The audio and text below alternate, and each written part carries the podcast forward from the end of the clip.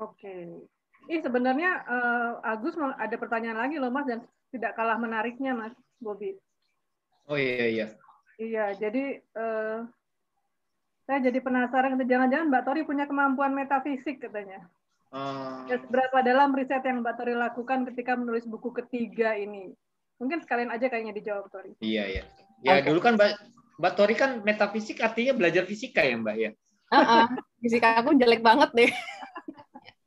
Oke, silakan Mbak. Ini dari Agus.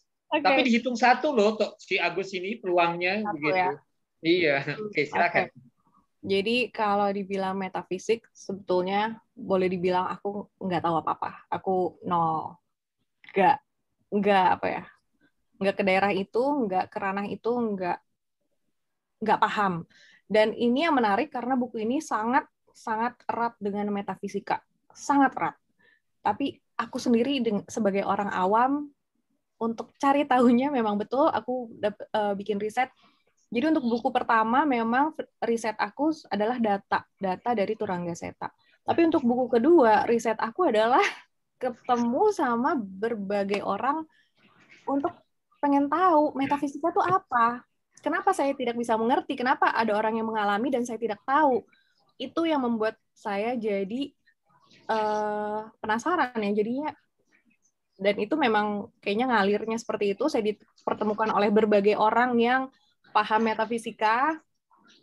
Uh, sebaiknya jangan ya jadi aku lakukan itu hanya demi uh, buku tapi itu sangat-sangat berbahaya kalau aku boleh ini. Berbahayanya bukan karena diserang atau apa segala macam bukan tapi itu berbahaya untuk uh, level kesadaran kita turun dan di buku ketiga itu aku akhirnya dapat jawaban. Jadi ketika buku kedua ini aku tulis, semua adalah berdasarkan uh, pengalaman aku ketemu dengan ini dan itu, orang ini dan itu, dan dengan pengalaman metafisika mereka. Tapi di buku ketiga, aku baru paham bahwa metafisika itu adalah apa ya? Kalau mau ngomongin dimensi, itu bukan dimensi yang kayak di film-film, tapi kayak dimensi itu sebetulnya satu. Jadi kalau ngomongin ini agak rumit dan itu yang aku coba paparkan di buku ketiga. Apa sih sebetulnya metafisika? Kenapa sih? Gimana sih caranya? Itu yang aku sendiri temukan dan itu yang aku jadi kalau bisa baca buku ketiga supaya paham.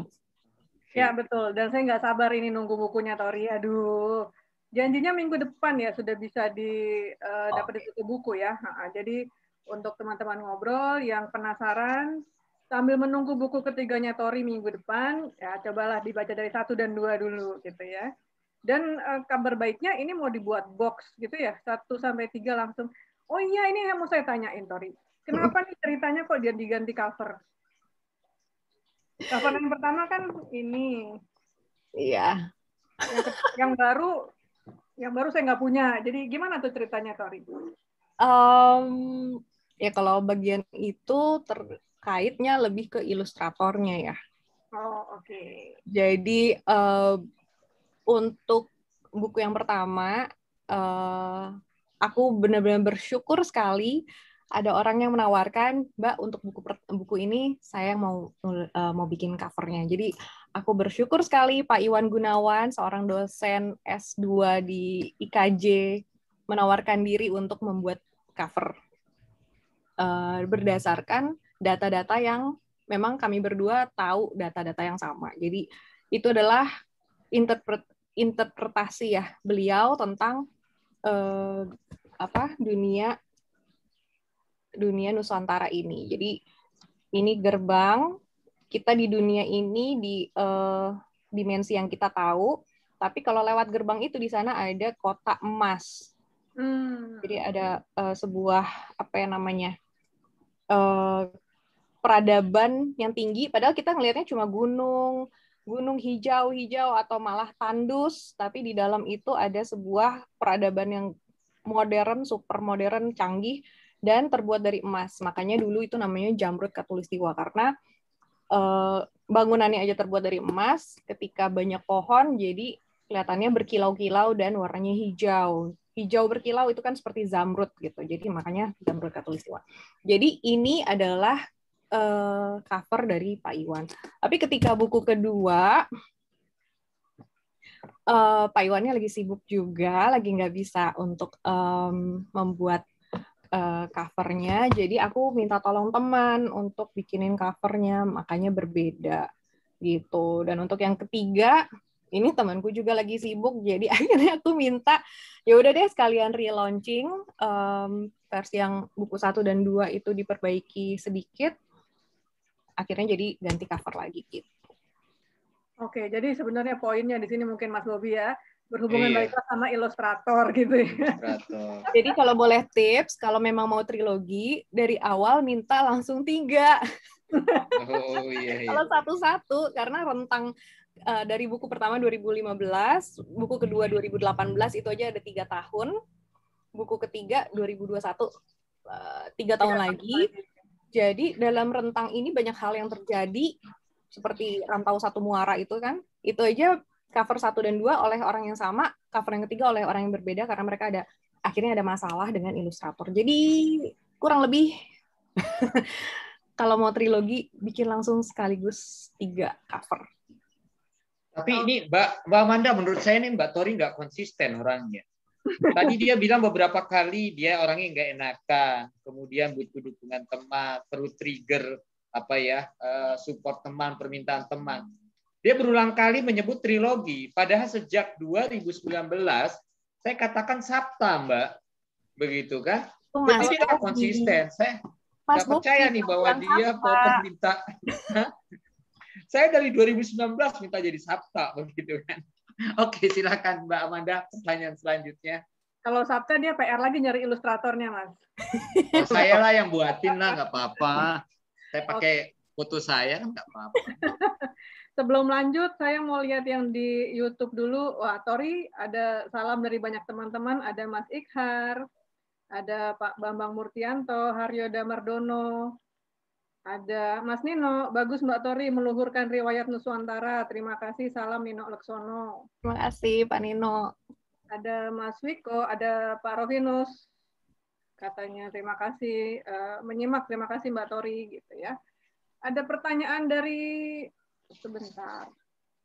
Nuri Nur Zikri, katanya bagaimana Mbak Tori mempertahankan mood menulis yang naik turun? Ya, itu uh, nasib itu. Sama seperti saya, saya introvert dan hanya bisa menyampaikan ide pesan melalui tulisan. Namun kadang saya kehilangan ide, mohon masukan. Gitu, Tori. Hmm. Orang-orang introvert, dengarkan jawaban Tori. Salah. mempertahankan mood itu ya gimana ya itu semua. Jadi gini buku pertama itu aku nulis cuma satu bulan. 300 wow. 300 halaman dan cuma satu bulan.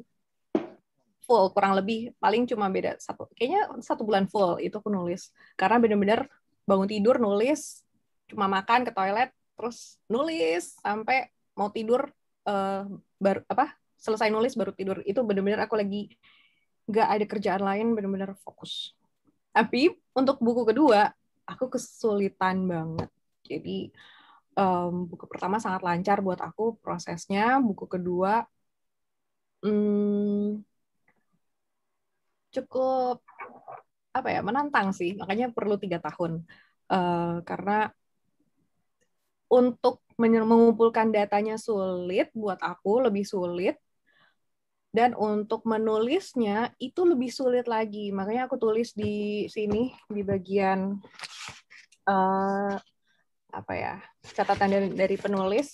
Jika ada yang bilang mulai menulis itu sulit saya mungkin setuju. Karena buat saya itu mudah tapi ya mungkin saya setuju. Tapi kalau ada yang bilang menulis sequel lebih sulit saya sangat setuju. Karena itu buat saya luar biasa sulit. Jadi um, tips dari saya untuk me melawan apa tuh namanya kreatif block ya writing block itu Hmm, pertama sih niatin bahwa ini harus selesai. Kedua, jangan terlalu banyak mikir. Jadi ketika kita mikirin gimana nih caranya supaya ini uh, bisa apa segala macam itu malah membebani seperti tadi aku udah bilang ke pertanyaan pertama atau kedua ya. Jadi pertama ya tadi uh, mas siapa tadi yang pertama aku jawab? Itu aku lupa namanya.